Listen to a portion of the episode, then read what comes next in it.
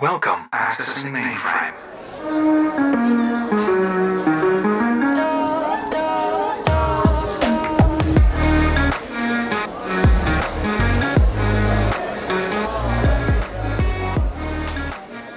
Loading. could ever be reached by these 50 countries, differing so much in race and religion, in language and culture. They even helped to carry the desks in. We stand today at the threshold of a great event, both in the life of the United Nations and in the life of mankind.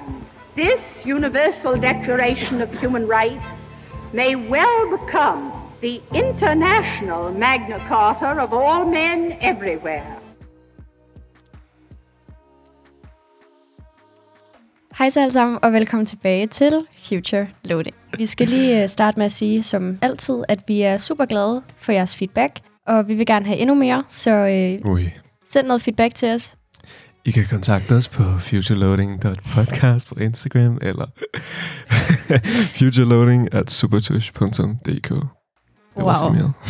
Det var meget kommercielt. Sagde jeg noget. I dag optager vi afsnit nummer 20. Er det et eller andet, vi skal fejre, eller hvad? Og øh, derudover så har vi også en gæst med i studiet i dag. Så hvis vores gæst lige vil præsentere sig selv måske. Jeg hedder Pelle Lytken. Jeg har, øh, vil, du, vil, du have, vil I have lidt baggrund også? Kom med allerede? det. Kom ja, med det. Jeg har øh, en baggrund inden for øh, FN. Forenede Nationer. Det er ikke så tit, man siger det, den fulde længde. Men, øh, jeg har arbejdet for FN de, se, de seneste øh, cirka 12 år. Okay. Øh, ja, der er, meget, der er meget mere at sige, men øh, det kan vi tage Men det- det senere. kommer vi og, ind i. Og, og Yes. tillykke. Tak, Uh, tak. øh, I dag skal vi tale om forenede nationer og forenede nationer i forhold til unge mennesker. Mm. Og øh, det er jo derfor, vi har dig med, Pelle. Fordi at øh, du er specialist inden Vores for FN. specialist. Ja. I dag. Vores i ekspert. Du sagde det selv lige før. Du arbejder, arbejdede for FN i 12 år. Ja. Mm. Det er lang tid. I, i 12 år, og i virkeligheden har også øh, uddannet, uddannet mig lidt til, med, med det i tankerne. Så hvad skal man sige, det har været på min radar i, i mange flere år. Nu lyder det som om, jeg er virkelig gammel, fordi, øh, og der, der er ikke engang øh, bærer mikrofonen, så, så det at folk tror, at, øh, at jeg er, er 80. Øh, Der er ingen, der dømmer men, her. Men jeg har, ja, ej, men jeg har, jeg har arbejdet for, for FN rundt omkring i forskellige steder i verden. Både på landekontorer og, og hovedkvarterer i New York, hvor vi har siddet og lavet øh, verden, Okay. verdensmål og sådan noget. Så, så men ja, øh, de sidste 12 år, og, og laver stadigvæk øh, primært opgaver for FN. Nice. Og hvis der måske er nogen derude, der sidder med sådan en lille, hvad, hvad er det nu, det der FN er? Så kan vi lige hurtigt ridse op, at de forenede nationer, som FN står for, blev grundlagt efter 2. verdenskrig den 24. oktober 1945 af 51 lande, der øh, lavede et samarbejde, der gik ud på, at man skulle bevare fred gennem internationalt samarbejde og kollektive sikkerhedstiltag. Og øh, i dag har vi et medlemskab på 193 lande, hvilket er stort set alle lande i verden. Det er ret vildt. Ja, det er, det er ret vildt. Hvorfor er der så ikke fred? Ja. Hvorfor er der så ikke fred? Hvorfor er der ikke fred? Hvad hedder det? Jeg er ikke sikker på, at jeg så det blandt spørgsmålene, før vi, øh, før, før, vi mødtes i dag. Så, En lille så, input. så, så, så, så tror jeg måske, jeg havde meldt mig syg. Øhm, Ingen dumt spørgsmål. ja, hvad hedder det? Ja, men det er, det, er, det, er jo, det er jo faktisk alle lande i verden. Og det er det samme, når det kommer til FN's verdensmål, som jo handler om øh, bæredygtighed på mange forskellige punkter. At øh, alle medlemsstater har skrevet under. Så, så det er et godt spørgsmål, men øh, de fleste vil nok sige, at, øh, at det ligesom er um, work in progress. Mm. Fordi jeg tænker lidt, hvis man skal være medlem af EU, så skriver man jo under på en kontrakt, der siger, jeg går med til det her, det her, det her.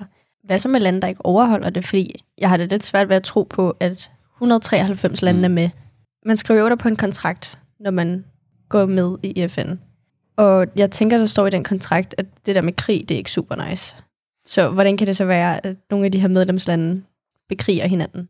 Jamen, det gør man jo netop. Øh, man, man skriver under på, en, øh, på et charter, som man tror på. Men der er ikke, øh, og det er det, som jeg, jeg faktisk tror, der er mange, der ikke, øh, der ikke ved, og som er enormt frustrerende også, når man arbejder inden for det her område, at øh, der er ikke ret mange bindende elementer, der er ikke ret meget, der er ikke ret meget sådan, øh, ultimativ krav, man kan stille. Det er i virkeligheden en samling af medlemslande, så som siger, man, man siger selvfølgelig, at man, altså, der er nogle erklæringer om, at, at man gerne vil, man gerne vil de, nogle af de samme ting helt fundamentalt, altså omkring fred og, og udvikling, men, men der er jo ikke, øh, der er ikke nogen konsekvenser. At der er ikke nogen konsekvenser, hvis man ikke overholder det. Og så er der jo altid flere historier. Så det handler lidt ligesom om formålet? Altså, at man alle har det samme formål Ja. om at gøre... Men derfor kan man godt være uenig om, Ja, måde, om selvfølgelig. måden, man Mm. kommer derhen. Mm. Så, så hvis, man, hvis man kigger på øhm, invasionen i, i Afghanistan og de sidste 20 år, som er meget op lige i øjeblikket, hvad er det for nogle ting, som man gør som USA og med Danmark, nogle gange med Danmarks øh, støtte, hvad er det for nogle in- interventioner, man laver rundt omkring i verden, at så, så vil man jo sige, at det er for at nå hen til en fredeligere verden. Mm. Men, Det er der så men- mange, men- der er uenige i. Ja, så der er så mange, der er Ja. uenige i. Jo. Og sådan ting vil typisk heller ikke gå omkring FN, men, men det er jo medlemslandene, der, der agerer på, der, på egen hånd også. Øh, der kan sagtens være nogle, nogle modsætninger der.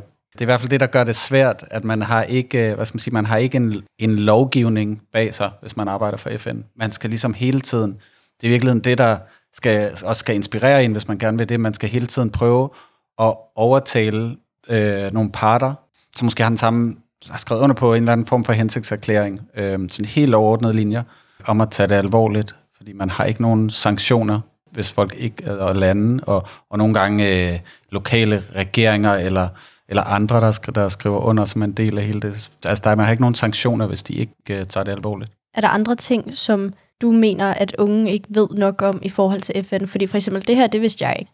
Og det kunne måske have været meget relevant Ja. at vide. Og hvorfor er det egentlig nødvendigt, at, at unge ved noget om mm. FN, ikke? Jeg tror i virkeligheden, jeg vil starte et lidt andet sted. Altså, jeg tror, det vigtigste det er, at øh, nogle gange, at man ved, hvordan man selv kan engagere sig. For en ting er, hvad, hvad folk snakker om i New York, og som siger, nogle gange er det ikke engang så vigtigt, som man gerne vil gøre det til, hvis man sidder inde i sådan en stor organisation. Du nu nævnte selv EU, de har et budget, og kan ligesom sige, okay, så holder vi pengene tilbage, hvis ikke I gør sådan. Hvis man i, i Ungarn diskriminerer mod øh, LGBT+, eller man, der er nogle ting, man ikke overholder, så kan man holde budgettet tilbage. Det er jo et ret stærkt virkemiddel. Ja. Men i FN er der ikke rigtigt det. Så hvad er det så, der skal få landene rundt omkring i verden til at trække i samme retning? På klima, på miljø, på fattigdom, på ulighed, på rettigheder, på alle de her ting. Det er jo kun det pres, man sådan kan skabe som en stor menneskelig organisme, som har mange forskellige, som inkluderer mange forskellige samfund rundt omkring i verden. Og der er spørgsmålet, hvordan kan man, hvis man er ung, måske er man ikke, engang, måske er man ikke 18, og måske har man ikke stemmeret, og, og måske synes man i forvejen, det er overvurderet at gå ned en gang hvert fjerde år, eller hvornår det nu er, og, og, og sætte en stemme. Det er jo ikke noget, der ligesom gennemsyrer ens hverdag, hvis det bare er det. Hvordan er det, man kan komme ind og påvirke den her udvikling? Og der er en masse gode øh, muligheder, men det er ikke, øh, det er ikke nemt, og, og jeg vil også sige, at FN er ikke ret gode til at, til sådan at åbne de døre op. Men FN er blevet bedre over de seneste år, men jeg tror ikke nødvendigvis, de er blevet så gode, at folk ved, hvad er det for nogle, hvad er det for nogle ting, vi kan gøre helt konkret. Hvordan kan man skubbe til dagsordenen ved hjælp af det der kæmpe system, som faktisk er, hvor, hvor Danmark og, og alle de andre lande i verden sidder rundt om det samme bord. Så du føler måske mere, at der bare bliver kastet en masse værdier ud, uden at det er Ja. rigtigt. Ja. ja. Det synes jeg godt, man kan sige, uden at, uden at være for hård. Men altså, jeg tænker for eksempel, FN's verdensmål er noget, man som folkeskoleelev og gymnasieelev virkelig bliver pisket igennem. Mm. Altså, det er virkelig... Er vi ikke blevet det? Jo, det er jeg i hvert Ja, fald. ja, ja. Det er jeg også. Jeg kan i hvert fald ikke huske det. Elias kan ikke huske det. Noget med klima. Anna og jeg er blevet pisket igennem Ja. de der verdensmål. Mm. Og det var øh, 9. klasse projektopgave, og det var, altså, Ja. de, de har kørt hårdt på der. Det er lige en ting, hvor jeg tænker, at det er formål med noget dybere, der ligger under. Mm. Altså, det, det er jo interessant for mig, fordi at, at der var ingenting, da jeg gik i gymnasiet. Nu lyder det endnu mere som om, at det er 100 år siden, men, men, men det, men, ja, det, er, det, er også, øh, det er også lang tid siden efterhånden, men, men der var heller ikke, der har også været ting før verdensmålene. Verdensmålene startede i 2015. Da jeg kom til New York, fra jeg havde været i Mellemøsten i nogle år, på landekontorer og lavet meget sådan projektledelse og, og meget sådan hands-on ude øh, på sådan miljøprojekter, klimaprojekter, øh, minerydning, øh, alt muligt. Øh, arbejdet med flygtninge i, i, i den region, som er et kæmpe øh, tema. Så kom jeg til New York, og det handlede derfra, det var fra 2013, det handlede simpelthen om at designe øh, et nyt sæt verdensmål. Øh, men på det tidspunkt, og lang tid inden, der har der faktisk eksisteret det, der hedder Millennium Development Goals, som er som var sådan lidt mere fokuseret på nogle bestemte punkter, uddannelse, helbred, øh, over sådan som en helt overordnet øh, overskrift, øh, fattigdomsreduktion. Men meget lidt på miljø, meget lidt på klima, ikke så meget på fred, og governance, øh, sådan regeringsførelse og inklusion og deltagelse der. Øh, og ikke ret meget med sådan ungdom heller. Men alt det, det eksisterede, det var ikke, godt, det var ikke lige så omfattende, som det er i dag. Men, men vi havde ikke ret meget fokus på det, for eksempel i, i skolen og gymnasiet. Og sådan, så, så, så på den måde er der jo sket et eller andet, men, men det er bare ikke det samme som, at I ved, at folk i det hele taget, både unge og gamle, ved, hvordan skal man engagere sig i det. En ting er jo at læse om det og skrive en rapport, men hvordan skal jeg få det ud over rampen? Hvordan, hvordan skal man så gøre det? Ja, det, det, det er ikke, fordi jeg vil fiske efter no. spørgsmål, men, men, men jeg synes bare, at der, der er sket den der viden, som der er mange, der har i dag om klimaproblemer og, og miljø, og måske også den der måde, man er forbundet via teknologi eller andre på andre måder med ting, der sker andre steder i verden, gør, at man har nogle muligheder for både at, at, at lave sine egne adfærdsændringer, og også måske at være aktivist på en anden måde, hvis man vil det. Måske være aktivist på en måde, der afspejler ens egen identitet, mm. og ens egen, øh, de ting, man, man selv gør. Der er jo ikke nogen, der er aktivist for de 17 verdensmål. Altså det, for det er jo alt. Ja. Så det, er sådan, det kan også være lidt... Øh, man kan godt miste motivationen, hvis man siger, at det er bare alt. Altså det, er, det er ligesom... Det er sådan lidt for banal. Ja, ja. Der, jeg tror, der er 169 øh, targets, altså sådan delmål, mm. under de der 17 overordnede mål. Da. Altså det kan man jo slet ikke holde styr på. Nej. Det, det kan man måske godt sidde og nørde med. Men hvordan omsætter man det? Det handler om at finde det, som man selv er interesseret i. Det, som man er interesseret i i forvejen. Men der er noget med at finde sin egen identitet. Fordi der kommer også... Et liv udvikler sig jo typisk sådan, at man, så begynder man at, at arbejde eller studere, eller man, man specialiserer sig på en eller anden måde. Og det vil tit forhåbentlig reflektere, hvem man er. Hvad for en identitet man har, hvad for nogle interesser man har. Så i princippet synes jeg, at man skal prøve at lægge sin, sin aktivisme og sin, den måde, man, der hvor man engagerer sig i bæredygtighed for eksempel, lægge det ind omkring nogle af de interesser, man har i, i forvejen. Så man skændes lidt mellem det der med at have viden om det, og så også på at udføre det. Ja. Ja. Den der viden har selvfølgelig en værdi, men, Ja. men, men hvordan er det, man ligesom... Altså, jeg synes, det er vigtigt at tænke over, hvordan kan man øh, lægge det ind i de andre ting, man gør i virkeligheden. Mm, man skal bruge den til noget. Ja.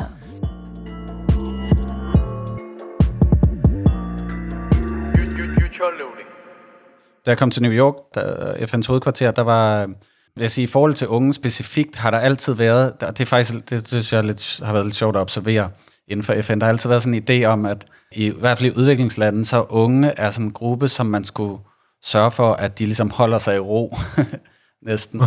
Eller at det har været sådan, øh, der har været meget sådan konflikt, altså sådan noget forebyggelse af konflikt, for eksempel. Så har der været sådan projekter omkring, at man skulle sørge for, at unge har noget at lave. At man skulle sørge for, at unge har jobs. Hvor der har været en, en forandring over de seneste år, som vi har skubbet enormt meget på for, som er at se unge som agents of change. At man simpelthen giver plads til, at unge påvirker projekter, vi laver, men også øh, simpelthen påvirker samfund aktivt. Det er jo meget, hvad kan det er bare en stor bid at tage ind. Alle FN's verdensmål, som du sagde, for man kan jo ikke være aktivist for alle målene, ikke? Altså, det er jo ikke alle problemer, der kan løses på samme tid. Synes du lidt, det er sådan, at der er lidt konflikt i det på en eller anden måde? Hvis man gerne vil gå op i det, så skal man også gå op i det, og så skal man også gå op i det. Altså, det bliver jo helt Ja. rodet på en eller anden måde, ikke? Jeg tror også bare, jeg tænker sådan, at nogle af dem godt kan modstride hinanden lidt nogle gange. Eller sådan, vi vil gerne kæmpe for en mere bæredygtig verden, men samtidig har vi det her verdensmål, der ligesom går lidt imod det. Hvis vi gerne vil have opfyldt det her, så kan vi ikke også opfylde det her. Eller kan du følge mig i Mm. den forstand, at, at vi vil jo gerne have, at alle verdensmålene går op i en højere enhed, og det hele bliver opfyldt. Men jeg tror også bare, at det er måske lidt naivt at have en forestilling om, at det hele kan gå op på bekostning af hinanden. Fordi så snart et problem er løst, så kommer der et Så andet. Så, der opstår der nyt, ligesom et ja. andet, ikke? Det, det handler også om, at man ligesom, selvom man er connected med alle mulige andre i, her i verden, så er det jo, så ens prioriteter er jo også meget, at det sted, som man selv er vokset op, og hvor man, hvor man, hvor man ligesom, det er de ting, man ser omkring sig, og de problemer, man, man møder i sin hverdag, og der er bare steder i verden, hvor klima og miljø, og om der ligger noget plastik på vejen, det, det er det mindste af problemerne, eller om folk kører en benzinbil. Så det handler måske mere om, at i stedet for at sige alle lande i hele verden, de her 17 verdensmål, så siger vi, okay, i øh, det her rigtig fattige afrikanske land går vi ind og bekæmper sult og fattigdom, og i det her land mangler de en god infrastruktur, så der ikke er lige så meget slum, og altså, er det sådan, det, man skal forstå det måske? Ja, ja det, altså det er jo realiteterne, mm. når vi arbejder i et land, at det afhænger af, af de lokale prioriteter. Meget af ens arbejde går i virkeligheden med at, at være ude og, og spørge folk, hvad de gerne vil have. og så prøve at designe noget, der er et projekt og nogle in- initiativer, der, der ligesom giver dem det. Alt det data, vi har, det siger ligesom, at de steder i verden, der ikke kommer til at nå verdensmålene, det er dem, der, hvor der er konflikt og den form for, for krise. Det er selvfølgelig, fordi at lige nødt til at tage dig af det, før du ligesom rykker videre, ikke? Altså, Jo. Det det, kunne være sygt Ja, altså vi er jo så privilegeret i Danmark, at vi sagtens kan at vi, have ja, vi, klima vi på ligesom vores- overskud til at... Præcis, der er jo nogle lande, noget, ikke? der frygter for, om de kan tage i skole. Ja. Så det er jo ligesom klart, at det at sortere affald ikke lige er øverst på, det skal Ja, jeg Ja, huske på at gøre i dag. ikke? Jo, Altså, præcis. tror du egentlig, at det er sådan, at det kan være demotiverende at, at bo et sted som Danmark, fordi vi er så få, eller vi har sådan, hvad hedder det, lille befolkningsgruppe i forhold til for eksempel USA, ikke? Så det vi gør, er der måske mange, der tror, at det har ikke rigtig en effekt, så jeg gider ikke at sætte mig ind i det. Tror du, det er sådan et problem egentlig? Først vil jeg lige sige, i forhold til klima og sådan ting, handler det jo så meget om at ligesom finde de der eksempler på, at hvis man laver en omstilling, at så kommer det også dernede til gode. Mm. At der for eksempel ligger jobs i at lave en omstilling til renewable energy og vedvarende energi og sådan ting. Men bare som et eksempel, man kan sagtens få den der følelse af, at det batter ikke rigtig noget. Altså, hvis man øh, sorterer sit affald på Frederiksberg, hvad, hvad, altså, hvordan ændrer det verden? Men jeg tror, det er noget af det, som jeg har lagt mest mærke til sådan over de sidste øh, 10-15 år i det hele taget sidder, specielt at sidde sådan i arbejde med FN her, men også i, i, New- i New York og sådan andre dele af hovedkvarteret, det har været, at virkelig efterspørgsel efter, det er sådan gode eksempler. Fordi man kan tale, altså man taler tit om de her ting på sådan et abstrakt niveau, men i virkeligheden så vil man gerne høre, hvad, hvordan har man, hvordan har, altså et, et, et eksempel på, at man har skabt jobs i en flygtningelejr ved at lave et eller andet øh, bæredygtigt projekt, mm. for eksempel.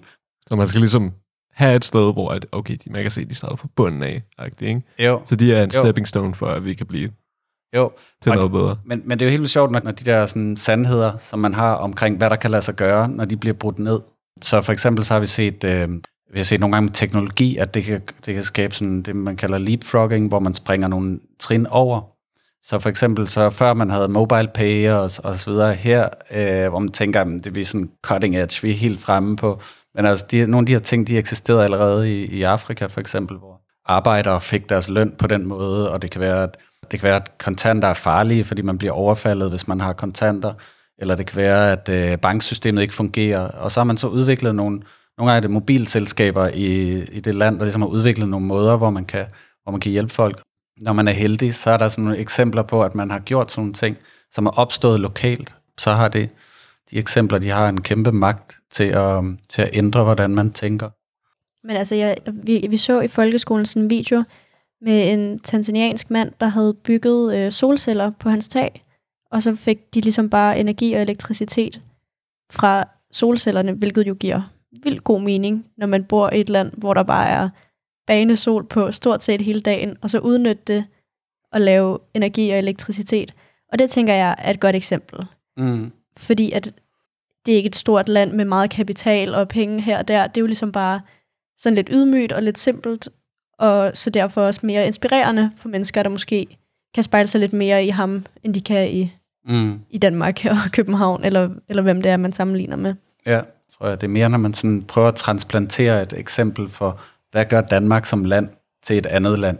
Ja. Det, det kan godt blive lidt... Øh, Altså der tænker jeg jo på sådan en person som Greta Thunberg for eksempel, ja, ja. som virkelig har formået at samle unge mennesker overalt i verden, og klimastrække og gå til demonstrationer, og altså virkelig sådan et, et eksempel på, hvordan at vi måske kulturelt ikke har noget til fælles, eller ja, ikke, ikke lige sådan umiddelbart deler det samme hverdag, men ligesom har den her fælles drive for, at vi skal gøre verden og jorden bedre i forhold til, hvordan, altså, hvordan vi passer på den, og, og så tror jeg bare, det var helt vildt inspirerende, hvordan hun ligesom startede helt simpelt. At hun, altså jeg mm. tror ikke, at hun nogensinde kunne have forestillet sig, hvad det ville føre til, Mm. da hun satte sig i skolen. det er jo mega sejt. Altså, det er jo, som du siger, man skal jo starte uden at vide, at det er det, der kommer til at ske. Mm. Og det er jo det, der kan godt kan være svært. Det kan også være, være svært at, um, at gøre det anden gang eller tredje gang, eller hvis man ligesom synes, at man vil gerne have det der kæmpe omfang, fordi at det skaber sådan en samhørighed, og det skaber, det skaber den der følelse af, at man gør en, gør en, øh, laver en forandring. Mm. Jeg tror bare, for at det skal sådan blive øh, ægte, at så skal man virkelig finde det, som ligger ind på scenen. Mm. Jo, Og klima kan, er jo sådan kæmpe, og det er jo over hele, i hvert fald i vores del af verden, som sådan alt overskyggende prioritet, men, men det kan også være alt muligt andet. jeg tror bare, at enormt mange unge, eller det ved jeg, er meget sådan demotiveret i forhold til at få stemt eller få sagt, hvad de mener. Mm. Fordi at de også, som vi talte om tidligere, de føler ikke, at det har nogen indflydelse. Mm. De tænker, okay, nu er jeg 18 år, jeg kan gå ned og stemme, men jeg kan også lade være, fordi det er teorien fuldstændig ligegyldigt. Det kommer ikke til at have indflydelse på noget. Det er jo også svært som ung at sidde og identificere sig med en eller anden person, der skal sidde og beslutte, hvad, hvordan vores land kommer til at fungere. Ikke? Mm. Mm. Altså, det er jo et kæmpe stort ansvar. Ikke? Mm. Og, og tit så føler jeg, at det bliver sådan, okay, jeg vælger den, jeg synes er mindst værst. Ja, ja, ja. Men det er rigtigt Ja, der er nok. mange, det er der rigtigt nok. ja. Ja. Hvilket, det, det, er jo ikke sådan, det skal fungere, vel? Altså, vi skal, okay, hende kan jeg virkelig godt lide. Ikke? Sådan skal det jo være, men bare ikke være enig i, i det hele. Og Jeg tror også bare, det er det er svært for mange. ærgerligt. Ja, ja, undskyld. Men jeg tror også bare, det er svært for mange unge mennesker nogle gange at spejle sig i voksne politikere. Præcis. Fordi man bare sidder og tænker, okay, det undskyld siger, men det er bullshit, det, det de sidder og siger. Ja, altså sådan, det, det, altså, det kan de ikke stå inden for. Det, altså, jeg tror bare, at man har enormt meget øh, mistro til politikere som ung person, og har rigtig svært ved at skulle sidde og sige, jeg går med til, at du repræsenterer mig her. Man tager den, der er mindst værst. Det kender jeg rigtig godt. Men, men øh, det, det andet er jo også, at det er kun en sjældent gang imellem.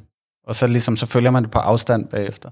Der synes jeg bare, at verden har ændret sig, sådan, så man kan sagtens finde fællesskaber omkring de ting, der virkelig interesserer en. Og så prøve at skubbe til, sådan skubbe til dagsordenen på det. Det kan også være politiske emner. Altså, jeg ved, I diskuterede øh, Israel-Palæstina tidligere og sådan nogle ting. Altså, der, der kan også være noget, noget engagement, og der kan være en enormt stærk sådan, drivkraft i at være indigneret, i at, være, i at synes, at noget er forkert, for eksempel. Jeg tænker, altså i forhold til det, du sagde, fordi børn, og så også unge mennesker, har sådan en helt vild retfærdighedskompas eller vægt inde i sig. Altså Moralsk kompas. agtigt. nej, men sådan fuldstændig sådan børn, de kan jo slet ikke tåle sådan, okay, han fik to vingummier, jeg Nej. fik kun Ja, ja. Så, altså, så er der sådan en alarm op i deres hoved, der Mm. bare sådan der, tik, tik, tik. Ja. Og så tror jeg også lidt, at den øh, transformerer indtil, når man er ung. Så måske ikke lige sådan, okay, han fik to vingummier, og jeg fik en. Men mere den der, okay, hvordan bliver han behandlet sådan her, og han bliver ikke behandlet sådan, selvom han har begået noget, der er meget værre. Altså, så den der retfærdighedsvægt, kompas, hvad skal vi kalde den? Fornemmelse. Mm. Fornemmelse, den, den er der stadigvæk, som fra man var barn. Men den, øh, Den ja, udvikler sig den bare. udvikler sig, ja. Men jeg tror stadigvæk, den er mere fremtrædende, end den er hos mange voksne. Og det er jo helt vildt vigtigt at holde fast i den. Jeg synes også, det er vigtigt at holde fast i de værdier, som du synes, der er vigtige, uden at sådan forvente, at pludselig vil der ske en kæmpe forandring. Og så er det sådan, at man tænder for et lys eller et eller andet, og så pludselig sker der et eller andet. Ikke? Men at der sker, som man måske ikke kan se indtil videre, i måske mange år, ikke? men at der vil ske en langsom forandring, der en dag vil stå til det bedre. Ikke?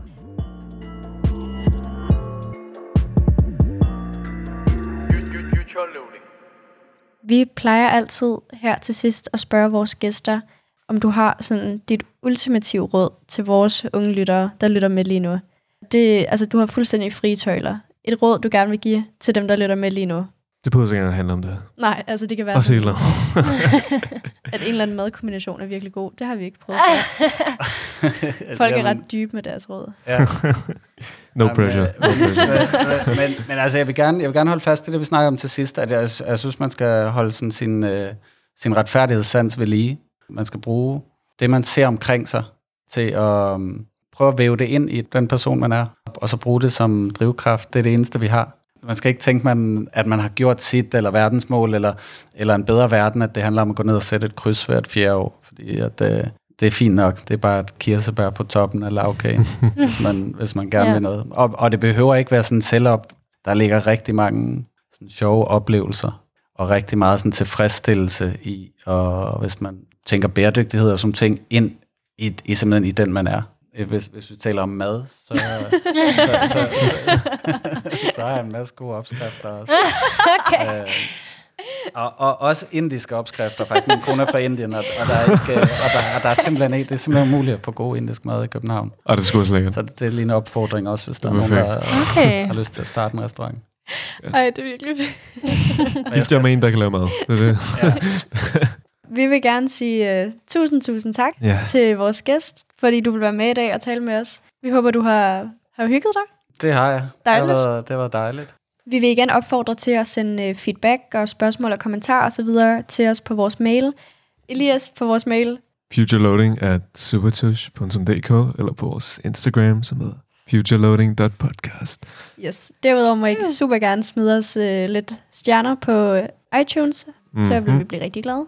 Raiders over det hele. Ja, Det er nice. perfekt. Jamen, så ses vi vel bare næste gang. Yes. Alright. Vi ses. Bye bye.